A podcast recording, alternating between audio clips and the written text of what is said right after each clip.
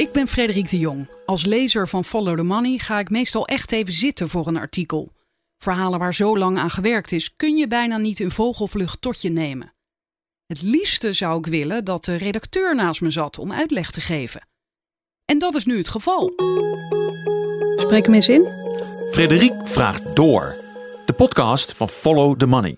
I know you're gonna dig this. Aliette Jonkers, voor het eerst de gast in de podcast. Welkom. Dankjewel. Nog niet zo lang bij FTM. Klopt. Sinds wanneer?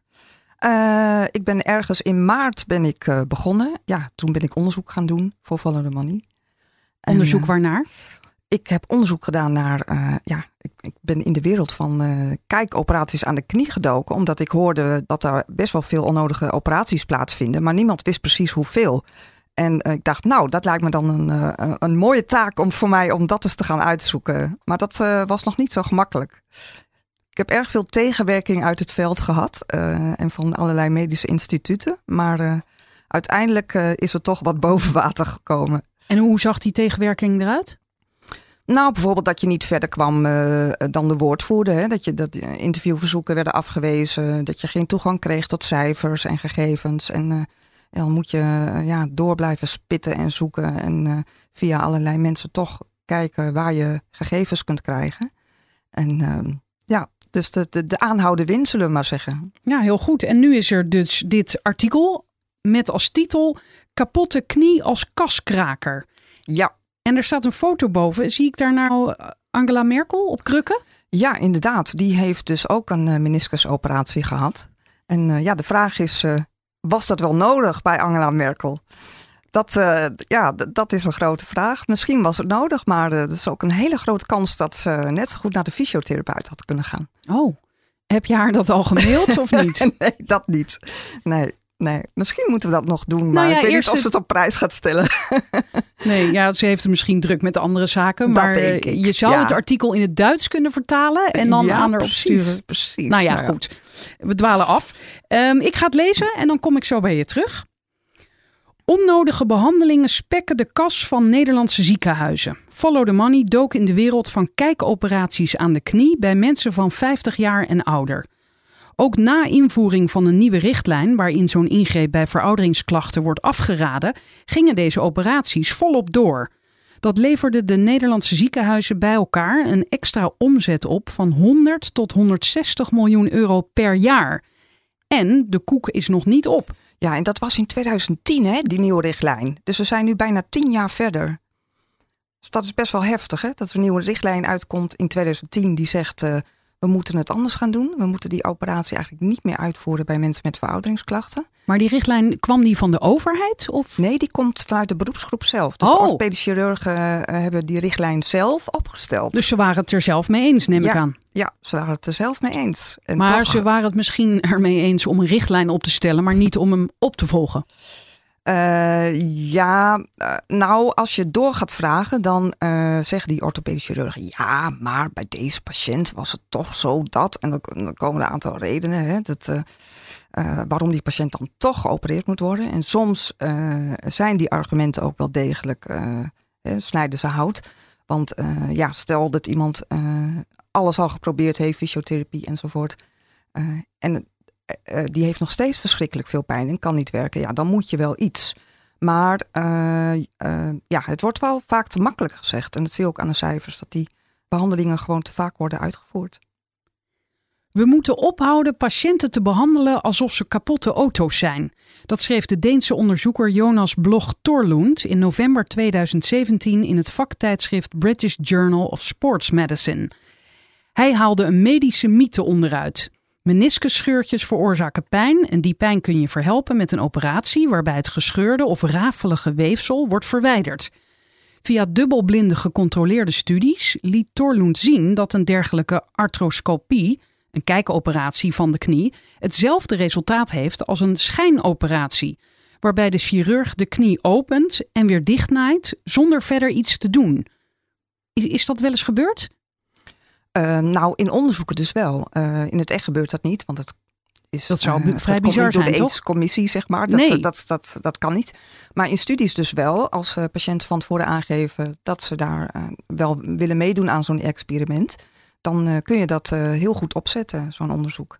Maar Ja. daar zijn dan mensen voor gevraagd die inderdaad meniscusklachten hadden of, of ook mensen zonder klachten? Nee, dat zijn mensen die allemaal een gescheurde meniscus hadden. Oh, en daar is aan gevraagd, wil jij meedoen aan dit experiment? Precies. Maar die wisten dan niet van tevoren Nee. dat, ze, dat er niks zou gebeuren. Klopt. Maar klopt. het, het opensnijden en dichtnaaien is wel gebeurd. Dat is wel gebeurd. En de narcose. En eh, ja, dus het hele ritueel van naar het ziekenhuis gaan. Van tevoren niet meer eten. Hè, nuchter zijn. En de, de, de- de onderzoekers denken ook dat dat, dat ritueel, zeg maar. eh, een, eh, een afspraak maken, naar het ziekenhuis gaan. eh, de narcose krijgen, uitleg van de arts. Dat het allemaal rituelen zijn die eigenlijk bijdragen aan de kracht van het placebo-effect. Nou, dat geloof ik ook wel. Ja. Want, want je denkt, er gaat iets aan gebeuren. Dus dan wil je dat Ja. ook wel heel graag geloven, toch? Precies. Eh, de- Het blijkt echt uit onderzoek dat eh, wat je verwacht, eh, eh, de verwachtingen hebben een groot, grote invloed op het effect van een behandeling. Hoe groot het effect van zo'n placebo-operatie kan zijn, wordt duidelijk in de BBC-documentaire The Placebo Experiment. Can My Brain Cure My Body?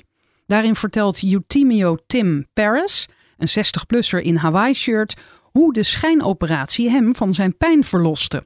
Voor die tijd liep hij moeizaam met een stok. Op vakantie gaan of sporten was er niet meer bij. Maar na de operatie kon hij alles weer. En dat terwijl zijn orthopedisch chirurg, Dr. Mosley, de knie ongemoeid had gelaten. Tim had een schijnoperatie gekregen. In de documentaire zien we Tim en zijn echtgenote Lydia. Het stel zit op plastic stoeltjes in een zonovergoten achtertuin. Lydia zegt hij nam me na de ingreep mee uit dansen. Ze glundert. Hij kon de hele avond doorgaan. Dan vraagt de interviewer of Tim kan beschrijven hoe hij zich voor die operatie voelde. Hij begint te vertellen, maar zijn stem hapert even. De pijn was verschrikkelijk. Ik dacht niet dat het nog erger kon. Tim legt uit dat hij paf stond toen hij hoorde dat hij een placebo-operatie had ondergaan. Niet dokter Mosley, maar zijn eigen brein had hem van zijn kwaal verlost. Dit is wel waanzinnig, hè? Dat is fascinerend. Hè? Ja, Ja, dat placebo-effect is, kan enorm krachtig zijn. Het is eigenlijk jammer dat we er niet me- meer mee kunnen in de, in de geneeskunde, want het is ongelooflijk sterk. Het mooiste voorbeeld vind ik van het placebo-effect eh, was op een gegeven moment een fabrikant, eh, eh, een fabrikant wilde een haargroeimiddel testen. En die had dat keurig, die studie keurig opgezet met een controlegroep. En wat bleek nou, na die afloop van die studie, bleek dat de mensen in de placebo-groep, dus die, die gewoon een nep haargroeimiddel hadden gekregen, dat het haar daar sneller was Echt? gegroeid ja, dan de mensen die, eh, die het eh, zogenaamde echte middel hadden gekregen. Dus dat, eh, ja, dat was nogal gênant voor die fabrikant. Dus ja, dat, ja, dat, was, ja, dat, dat zijn hele bizarre effecten. Ons lichaam doet blijkbaar dingen. Als we maar geloven, dan, dan, dan kunnen we heel veel, kennelijk. ja en maar je zegt dat was gênant voor die fabrikant, maar dit is wel naar buiten gekomen kennelijk.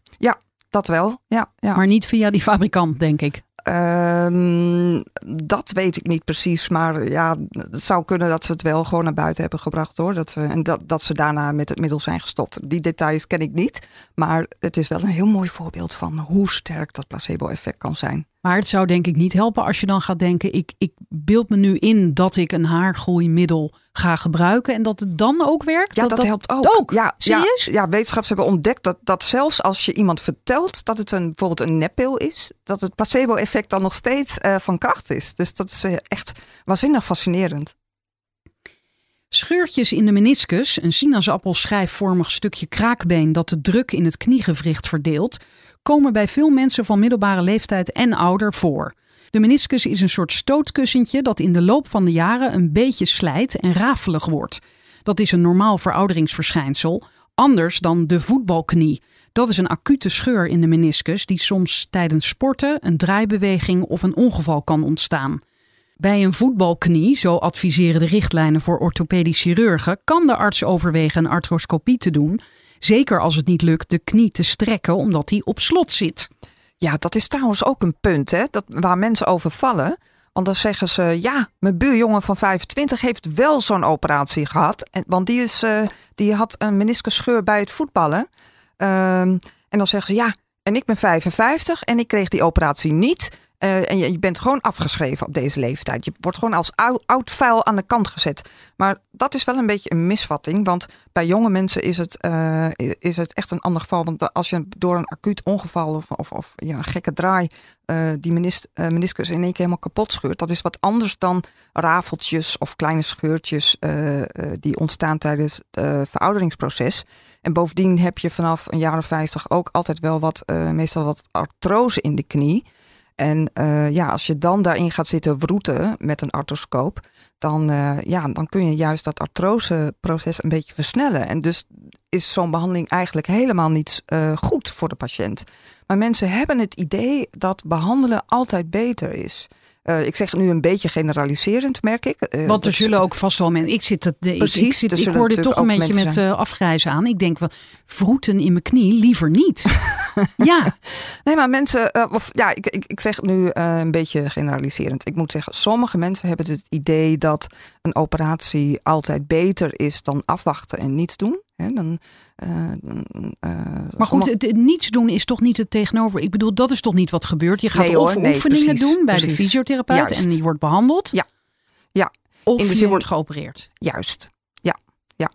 Maar even, want we hebben het nu steeds over een kijkoperatie. Dat is dus letterlijk, dan wordt er gekeken en wat -hmm. weggeschraapt mogelijk. Ja. ja. Is er dan nog daarna, een stap daarna, nog een andere operatie? Um, nee, nou, uh, in die zin, um, kijk, als, die, als dat scheurtje in, een, in het bebloede deel uh, zit van de knie, dan uh, wordt het ook nog wel eens gehecht. Dat is dan ook nog wat minder ingrijpend. maar dat, ja, dat, dat ligt helemaal aan de situatie. En uh, soms zit er ook een, een flapje, zeg maar, zit klem tussen het kniegewricht. En dan, dan moet je dat wel echt goed wegknippen. En soms wordt het een beetje bijgepunt, als het ware. Bijgepunt? Zoals ja. bij de kapper? Ja, precies. Ja, Oké. En het werkt wel. Hè? Het is niet zo dat die operatie niet werkt. Het, het werkt voortreffelijk. Uh, dat, dat is het punt niet. Alleen, ja, je hebt wel, uh, maar daar komen we straks denk ik op. Uh, er zijn ook nadelen aan die operatie. Scheurtjes in de meniscus die met het stijgen der jaren ontstaan, komen volgens de Zweedse hoogleraar en onderzoeker Martin Englund veel voor. Zo'n 35% van de 50-plussers en 56% van de 70-plussers heeft ze. En de meerderheid merkt daar helemaal niets van. Tweederde van de mensen met meniscusscheurtjes is volledig klachtenvrij. Als je zoekt, vind je altijd wel wat. Studies laten zien dat patiënten met kniepijn ook een MRI krijgen van de gezonde knie, daar vaak precies dezelfde lesies op te zien zijn. Ja, die lesies zijn die scheurtjes. Precies. Met andere woorden, zegt zijn Deense collega Torlund, we moeten af van de analogie van de automonteur. Dat iets wat kapot is altijd gerepareerd moet worden. De belangrijkste veroorzaker van pijn in de knie is, zo stelt Torlund, waarschijnlijk niet de meniscus. Vaak is er sprake van slijtage, zoals artrose. De meniscus repareren heeft dan weinig zin. Torlund is bepaald niet de enige die meniscusoperaties bij de aftakelende knie bekritiseert. Al sinds begin van de eeuw verschijnen er studies die aantonen dat een schijnoperatie evenveel effect heeft als een echte ingreep, waarbij een deel van het beschadigde weefsel weggeknipt wordt. Andere onderzoeken, onder meer van Nederlandse orthopedisch chirurgen, tonen bovendien aan dat twee tot drie maanden fysiotherapie even effectief is als opereren. Het kost de patiënt iets meer tijd en inspanning, maar het resultaat is precies hetzelfde. Mensen met meniscusscheurtjes die hun spieren trainden en coördinatie- en balansoefeningen deden, hadden na drie en zes maanden na de fysiotherapie minder pijn en een verbeterde kniefunctie, net als mensen die wel geopereerd waren. Na 12 en 24 maanden deed de operatiegroep het net iets beter. Toch kreeg een derde van de patiënten in de fysiogroep later alsnog een operatie. Na de eeuwwisseling stapelen de bewijzen dat opereren weinig meerwaarde heeft zich in rap tempo op en in 2010 veranderde de richtlijn van de orthopedisch chirurgen. Behandel conservatief werd het devies. Dat wil zeggen, minstens drie maanden afwachten en niet opereren. Bij patiënten die behalve een scheur in de meniscus ook artrose in hun knie hebben, was het advies nog strenger. Doe geen MRI en geen arthroscopie. In maart van dit jaar werd de richtlijn nog verder aangescherpt. Die legt nu vast wat studies al onomwonden aantoonden. Bij degeneratief letsel is fysiotherapie in combinatie met pijnstilling even effectief als een arthroscopie, waarbij de meniscus met het mes wordt bijgepunt. Ja, dat zei je net ook al bij punten. Maar dit is, dit is heel opmerkelijk. Dit, dit is echt een nieuw inzicht.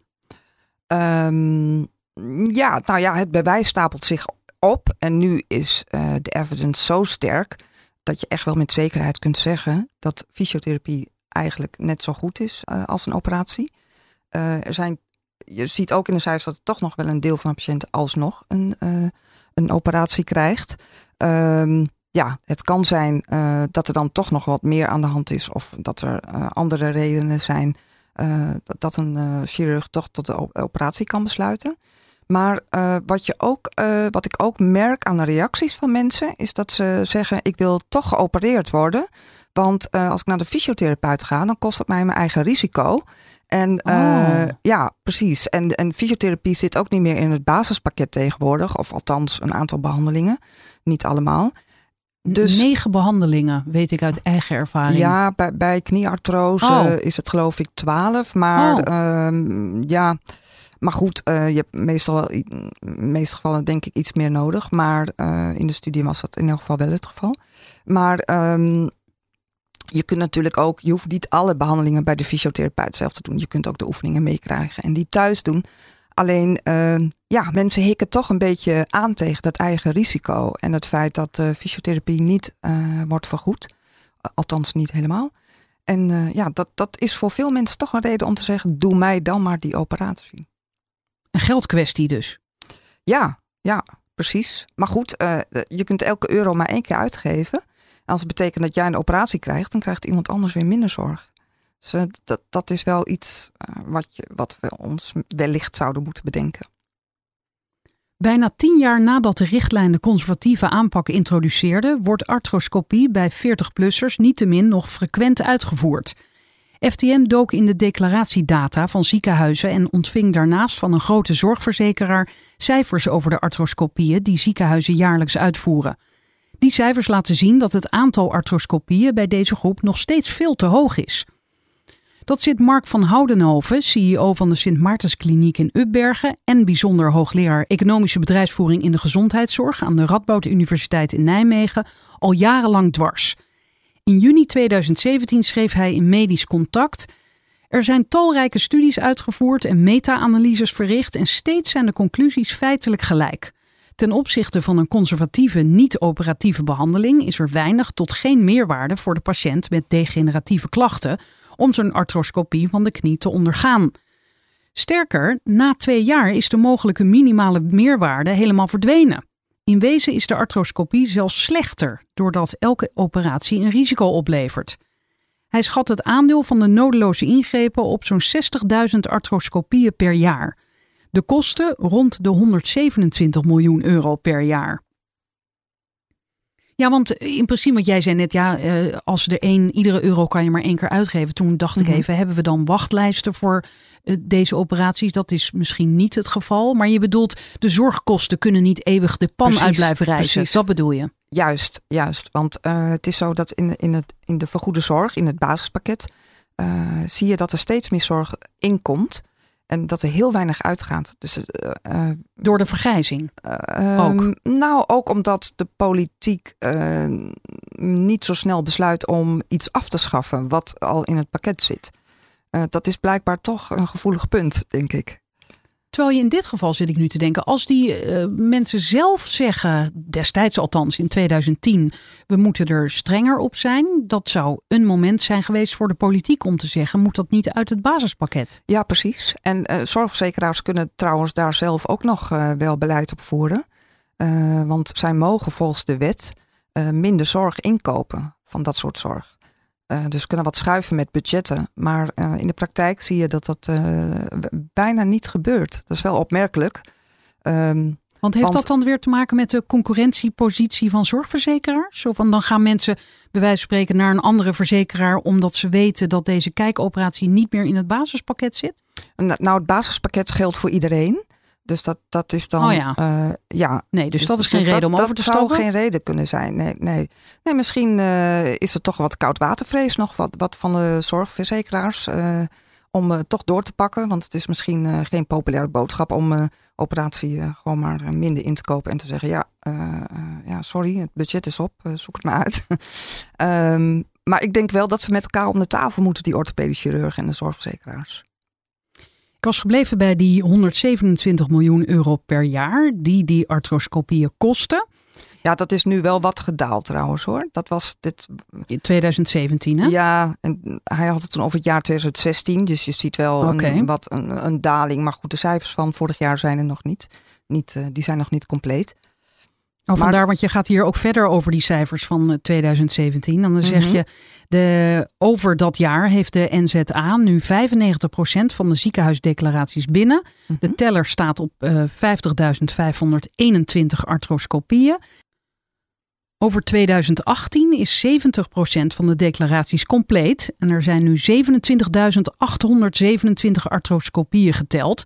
Wat voor het hele jaar naar verwachting uitkomt op ongeveer 40.000. En dat is nog steeds te veel, vindt Van Houdenhoven. Die getallen moeten echt verder omlaag. De cijfers van de zorgverzekeraar bevestigen dat beeld. De meniscusoperaties lijken nog altijd disproportioneel vaak bij oudere patiënten te worden uitgevoerd, terwijl juist bij hen de ingreep meestal niet zinvol is. Maar er is een kleine kentering te zien. In algemene ziekenhuizen, die in het Nederlandse zorgstelsel worden beloond voor productie, was in 2016 nog 39% van de arthroscopiepatiënten ouder dan 55 jaar. En in 2017 zakte dat naar 34% en in 2018 naar 30%. Maar bij de 40-plussers lijken de cijfers juist tegen te vallen. Maar liefst 72% van de patiënten die vorig jaar een meniscusoperatie kregen in een algemeen ziekenhuis was boven de 40. Ja, ik kan nu, ik lees zoveel getallen dat ik het even niet meer kan volgen. Dat begrijp ik. Ehm, eh, wat, wat ook wel interessant is, eh, toen ik orthopedisch chirurgen sprak, dat ze zeiden ja, dan moet je maar kijken naar, de, naar die privéklinieken, die zelfstandige behandelcentra, de zogenaamde ZBC's.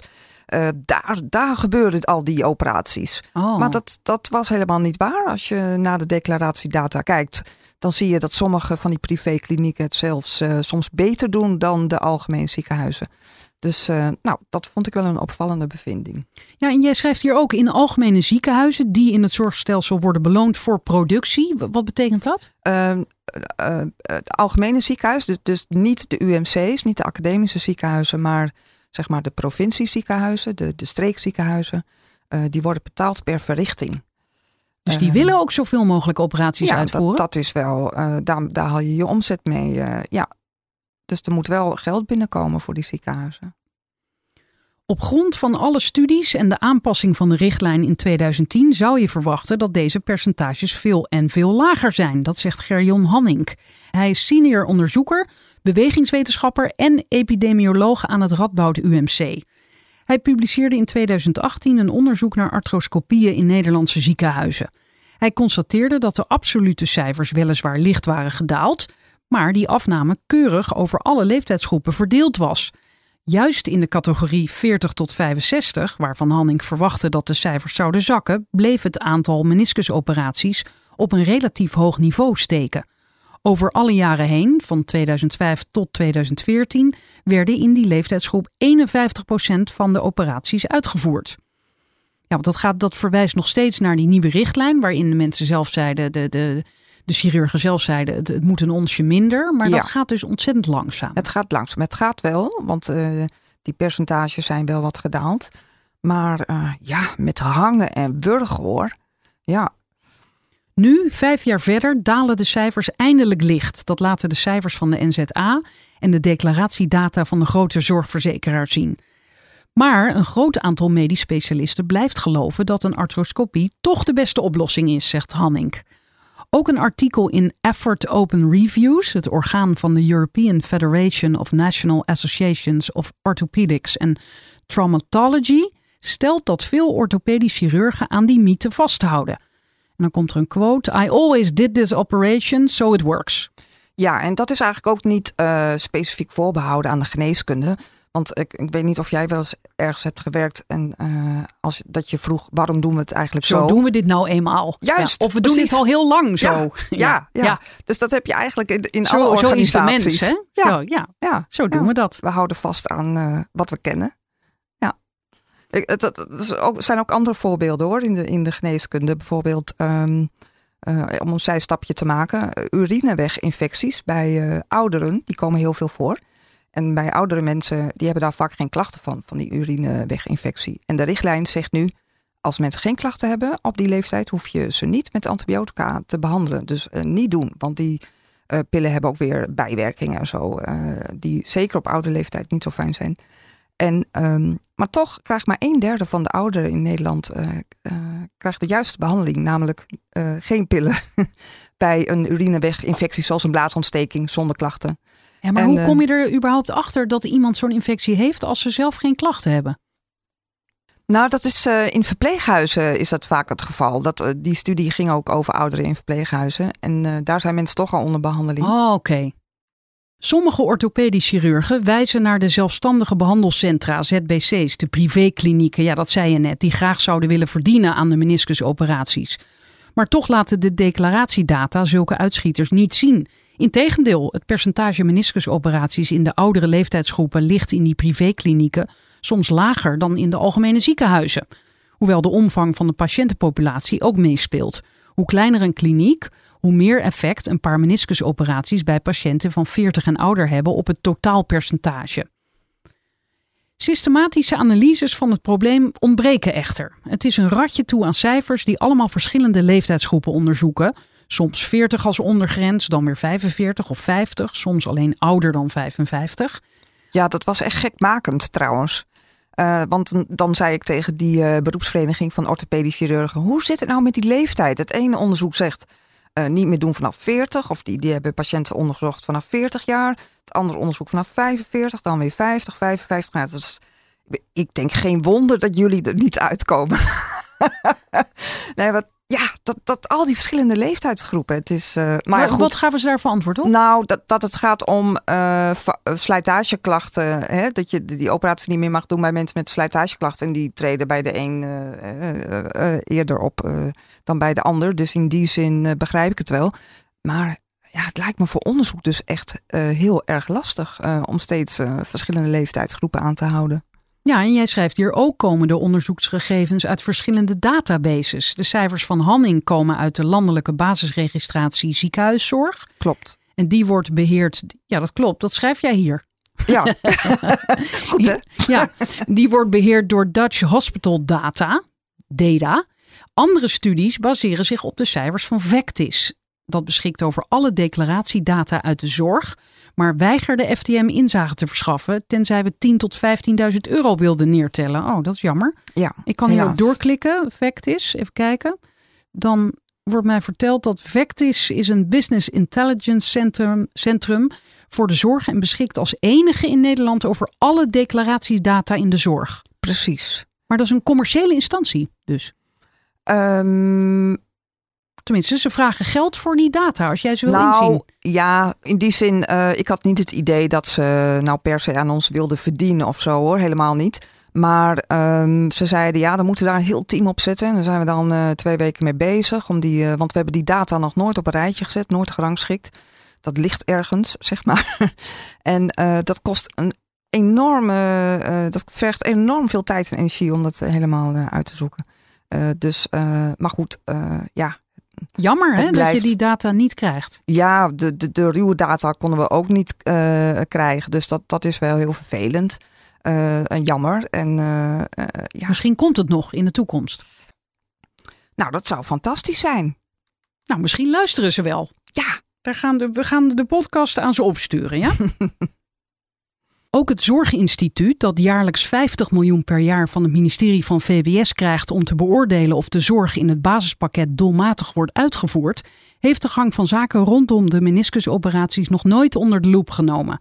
Toen FTM vroeg wat het standpunt van het Zorginstituut over de kwestie is, kwam het antwoord dat de organisatie er geen gegevens of opvattingen over heeft.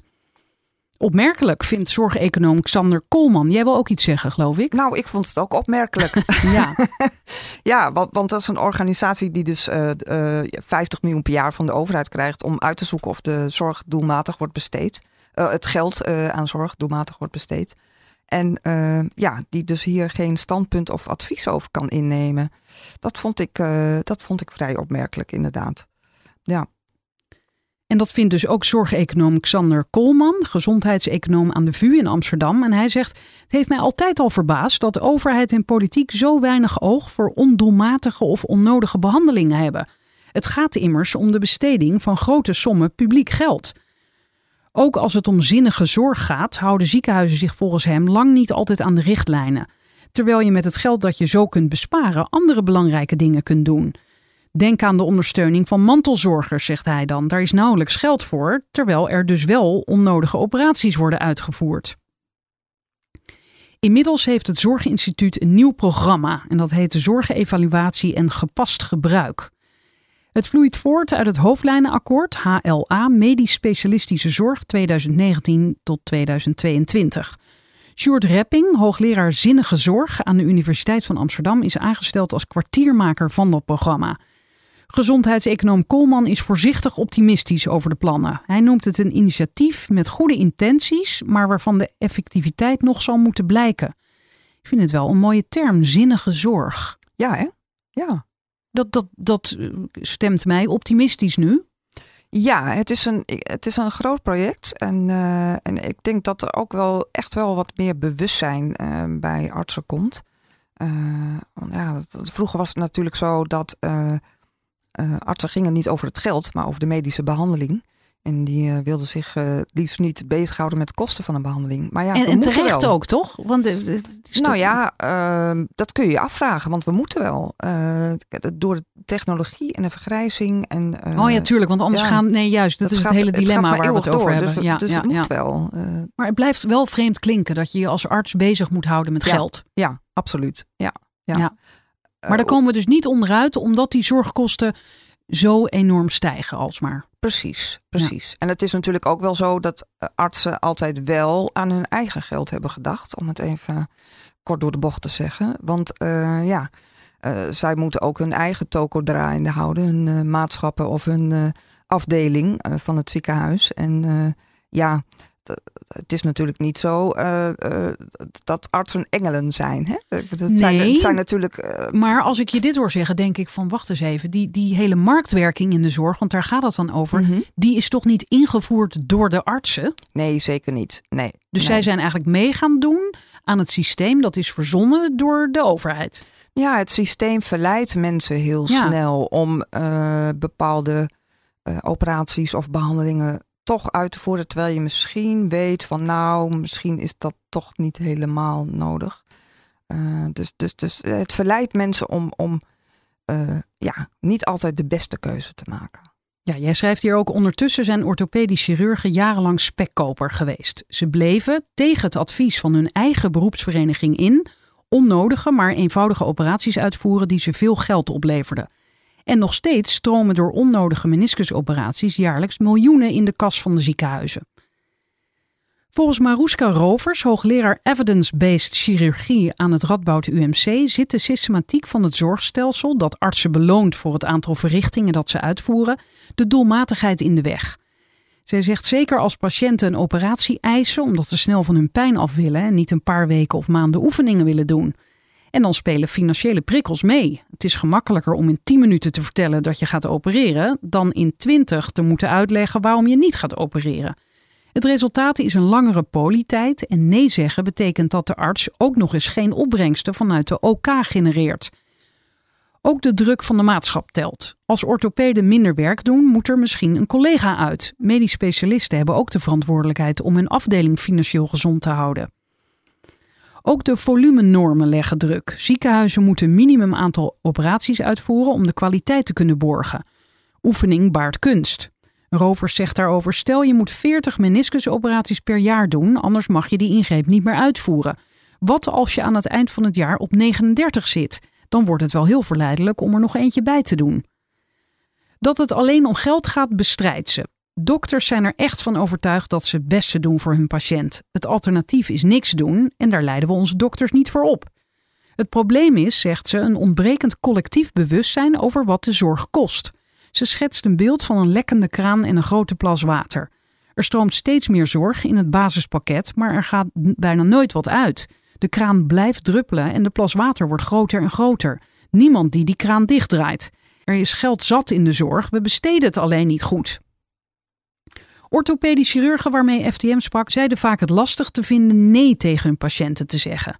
Als wij het niet doen, dan gaan ze naar België, zei een orthopedisch chirurg in het zuiden des lands. Hij wees op het domino-effect dat een ontevreden patiënt op de bedrijfsvoering van een algemeen ziekenhuis kan hebben. Een tevreden patiënt brengt potentieel drie nieuwe patiënten aan, maar een ontevreden patiënt kan ervoor zorgen dat je tien potentiële klanten kwijtraakt. Ook orthopedisch chirurg Rudolf Polman, die kritische artikelen over meniscusoperaties publiceerde in internationale tijdschriften als JAMA en BMJ, ziet artsen nogal eens zwichten onder de druk van patiënten. Onlangs vertelde hij een patiënt dat hij geen MRI zou aanvragen voor de kniepijn van zijn patiënt en dat ook een operatie niet aan de orde was. Prompt kreeg ik een 2 op Zorgkaart Nederland, zegt Polman. En ook de zorginkoper van het ziekenhuis kijkt wel eens geschrokken naar onze cijfers. We kregen de vraag waarom we die operaties nog zo weinig deden. Ja, jarenlang is daar lekker aan verdiend. Een andere orthopedisch chirurg was overigens wel bereid om Polmans patiënt te opereren. Op Zorgkaart Nederland meldde die patiënt vervolgens triomfantelijk dat er een MRI was gemaakt en er ondertussen een operatie is uitgevoerd, omdat er, quote, overduidelijk meniscusklachten waren. Ja, dus dan wordt zo'n arts ook nog belachelijk gemaakt. Ja, precies. Maar die druk van die patiënten kan uh, ook enorm hoog zijn hoor, voor die arts. Want, en, en dan die argumentatie ook. Hè. Sommige mensen zeggen echt, ik ga over... Uh, uh, ik ga dan en dan op skivakantie en dan moet het gewoon over zijn. Oh. Dus ik wil voor die tijd wil ik een operatie en dat het weer over is. En dat, ja, Ja, dat is ook de tijd van het internetdokteren natuurlijk. Hè? Ik Ja, maak mezelf daar ook wel schuldig aan. Dat je dan gaat googlen naar dingen en denkt, oh, we willen alles eh, nu ook. Hè? Ja. ja, het is heel moeilijk. De boodschap is heel moeilijk eh, dat, dat, dat dingen een tijdje kunnen duren. En dat je daar zelf misschien wat moeite eh, voor moet doen. Ehm, tenminste, dat hoor ik van, artsen. Dat patiënten daar behoorlijk eh, eisend in kunnen zijn. En eh, ja, ja, zeg Maar dan goed. maar eens nee. Hè? Als je moe bent en Ja. je hebt een lange dag. En eh, nee, dat snap ik wel. de Ja. druk is torenhoog. En iemand zegt, ja maar dokter, alsjeblieft. Ik, ik heb zo'n pijn en, en ik kan niet werken. Ja, ik, ik, ik, het is natuurlijk niet helemaal onbegrijpelijk inderdaad. Elke operatie die niet medisch noodzakelijk is en niet conform de richtlijn is er één te veel. Dat stelt Guido van Woerkom, voorzitter van het Koninklijk Genootschap voor Fysiotherapie, KNGF. Is dat, eh, dat is de oud-voorzitter van de ANWB, hè? Geen idee. Ja, volgens mij wel. Ik schrijf over de zorg, dus dat Ja. soort dingen weet Ja. ik niet. En ik heb geen auto, ook nog eens een keer. Zou eigenlijk wel algemene kennis moeten zijn, hè?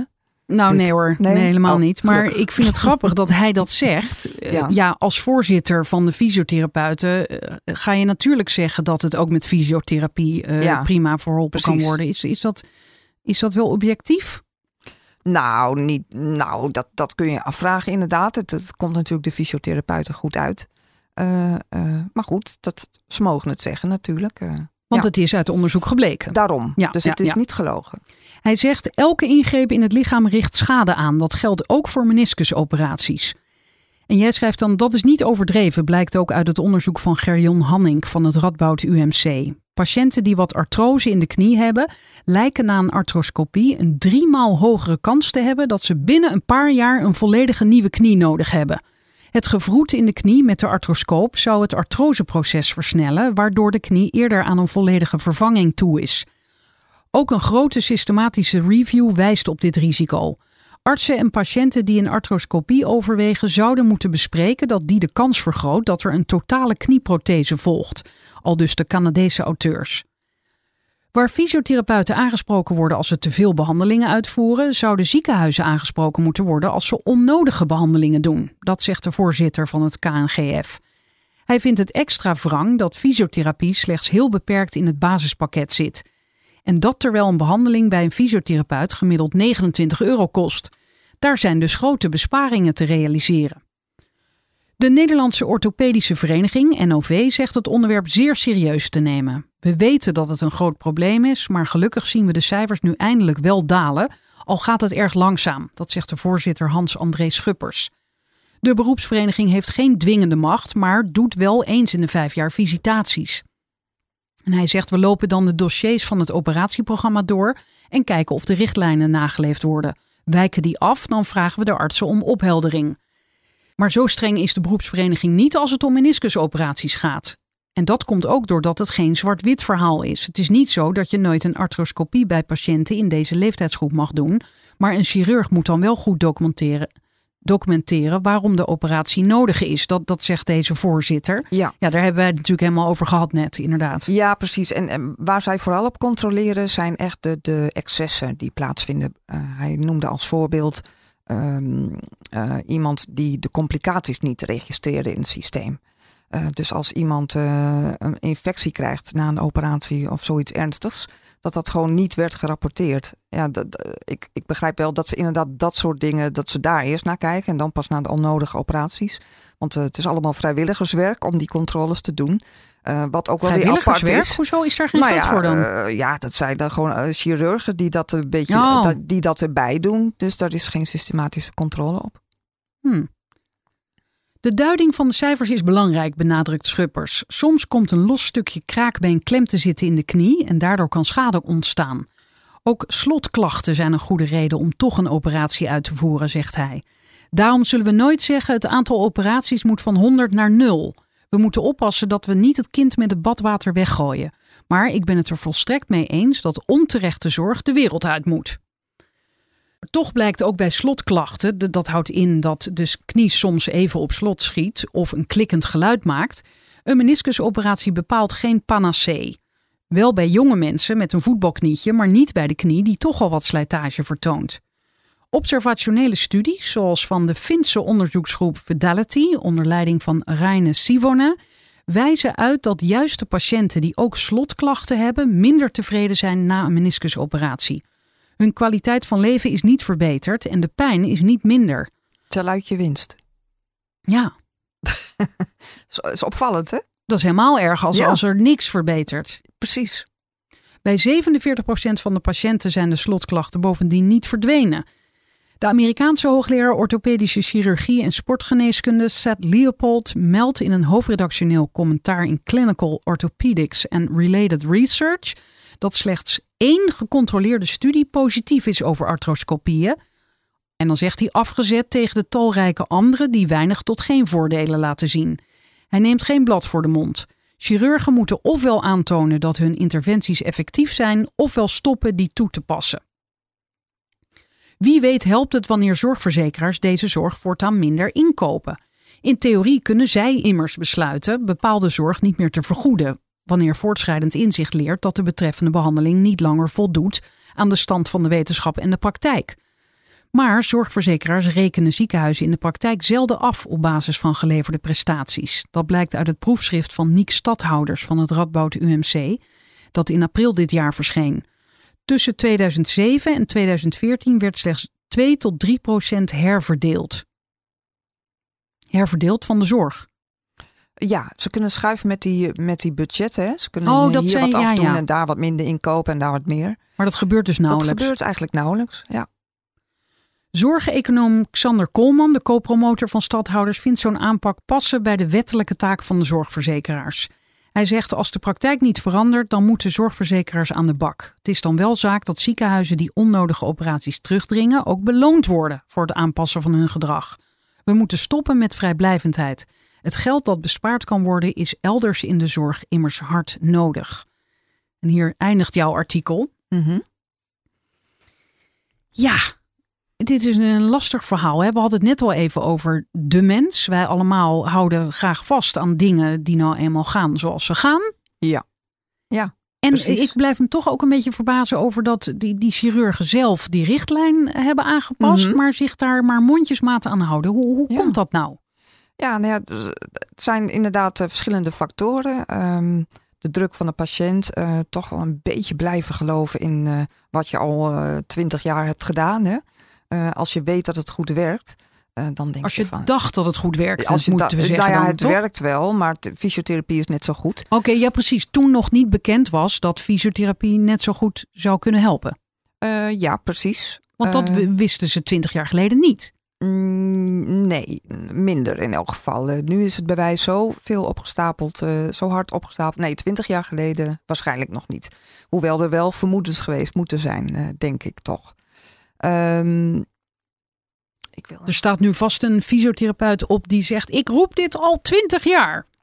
vast. Ik sprak ook een hoogleraar orthopedische chirurgie, Gino Kerkhoffs van het AMC, die heb ik niet in het verhaal aan het woord gelaten. Want je spreekt voor zo'n verhaal wel misschien wel 30 mensen. Je kunt niet iedereen aan het woord laten, want het wordt heel verwarrend. Maar die zei, ja, wij hebben in het AMC, hebben we de fysiotherapeut aan de overkant van de gang. Zij werken multidisciplinair met een team. Uh, en dan is het uh, veel makkelijker ook om die, om die patiënt naar die fysiotherapeut te sturen. Omdat je ja, toch al bovenop elkaars lip zit. En omdat hij natuurlijk ook in een UMC werkt. En die worden niet beloond voor productie maar voor kwaliteit en uitkomsten van de okay. behandeling. En ik kan me dan voorstellen dat de patiënt zich minder weggestuurd voelt. Precies, dat, dat kan ik me ook heel goed voorstellen dat dat zo werkt. Dat je zegt van nou, we gaan een afspraak inplannen met uh, Huppel de Pup. En die gaat er goed naar kijken. En mocht het allemaal niet lukken, dan kunt u gerust weer bij mij terugkomen. Ga dan, hè, dan, dan, dat, ik denk dat dat goed zou kunnen werken. Maar goed, ehm, is dat het enige dat het, UMC waar zo'n team aan het werk is? Dat weet ik eigenlijk niet. Want dat ik zou misschien de toekomst kunnen zijn. Hè? Ja, dat, ja, wie weet. Uh, maar uh, aangezien de ziekenhuizen ook steeds meer een soort ouderwets bolwerk worden, de zorg steeds meer naar de thuissituatie gaat. Ehm, een ouderwets bolwerk, is dat zo? Nou ja, er gaan steeds meer stemmen op die zeggen: ja, moeten we niet van die dure gebouwen af? En dat een zorg eigenlijk dat de specialist naar iemand thuis gaat, bijvoorbeeld. Of een soort anderhalve lijnsconstructie, waarbij de specialist meekijkt bij de huisarts. Er zijn allerlei projecten. Serieus? Maar je kan toch niet met je MRI-scanner onder de arm uh, langs een patiënt gaan? Nou, met MRI-scanner niet. Uh, maar er zijn wel ja, mogelijkheden waarbij je toch wel veel kunt doen samen met de specialist. En, um, Zien specialisten dat zitten om met de huisarts op pad te gaan? Dat, dat zie ik nog niet helemaal nou, voor me. Op pad, ik weet niet of het echt op pad is. Maar je hebt bijvoorbeeld in Amsterdam ook heb je een hospital at home heet dat. Maar dat is een soort, soort ja, mini ziekenhuis voor ouderen. Die eigenlijk te slecht zijn om thuis te blijven. Maar mm, dat een ziekenhuisbed ook weer een beetje too much is. Maar ze moeten wel even goed ja, onder controle gehouden worden. Dan heb je zo'n soort, ja, dat noemen ze een soort anderhalve lijnscentrum. Waar mensen dus wel verblijven. En ja, toch goed in de gaten worden gehouden. Dat ze niet helemaal alleen thuis zijn. en nou ja, dat, dat zijn denk ik ook wel interessante ontwikkelingen voor de toekomst. Maar ik vind het wel grappig dat jij dat ouderwets noemt.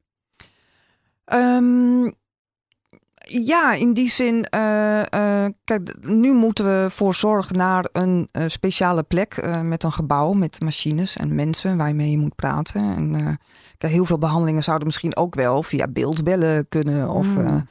ja, een dermatoloog kan ook vaak heel goed op foto's zien wat er aan de hand is. ja, dat soort ontwikkelingen gaan we nog allemaal in de toekomst zien, denk ik, wat er gaat gebeuren. Maar ja, het, het bekostigingsstelsel moet ook op uh, aangepast worden. En dat is natuurlijk best wel een enorme operatie. En dat probeer jij ook aan te tonen, onder andere met dit onderzoek en dit artikel. En wat ik me nou afvraag, je, je zei aan het begin, ik heb best wel wat tegenwerking uh, ondervonden. Hoe zorg je nou, want je gaat hierop door uh, waarschijnlijk, of, Zeker, of weer, ja. hè, over andere operaties en zo. Hoe zorg je nou dat ehm, je makkelijk, dat mensen wel met je willen blijven praten of, of alsnog met je willen praten? ja, er is toch wel een, een verandering uh, aan de gang in de zorg. Uh, steeds meer artsen en ook beleidsmakers beseffen dat we niet zo door kunnen gaan zoals we altijd gedaan hebben. dat de kosten reizen de pan uit wordt, wordt steeds eigenlijk een prangender verhaal. Ehm, dus ja, je moet eigenlijk gaan snijden in de zorg.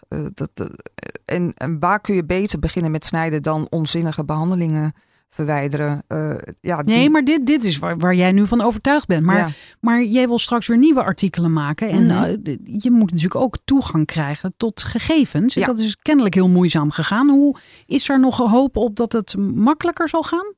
Nou ja, in dit geval uh, was het lastig omdat die onderzoeken ook zo versnipperd waren. Ook vanwege die leeftijden bijvoorbeeld. Hè? Dat we een, het ene onderzoek uh, begint bij 40, ander bij 45, ander bij 50. Maar er zijn ook, uh, ja, misschien was dit wel een heel heftig onderwerp om mee te beginnen. Ehm, ja, er zijn ook nu artsen die zich vrijwillig bij mij melden en oh. zeggen: kijk hier ook eens naar. En, Dat wilde ik horen. Precies, precies. Dankjewel. Graag gedaan. Wil je weten wanneer een nieuwe aflevering online staat? Schrijf je in voor mijn nieuwsbrief. Die vind je bij ftm.nl/slash Frederiek.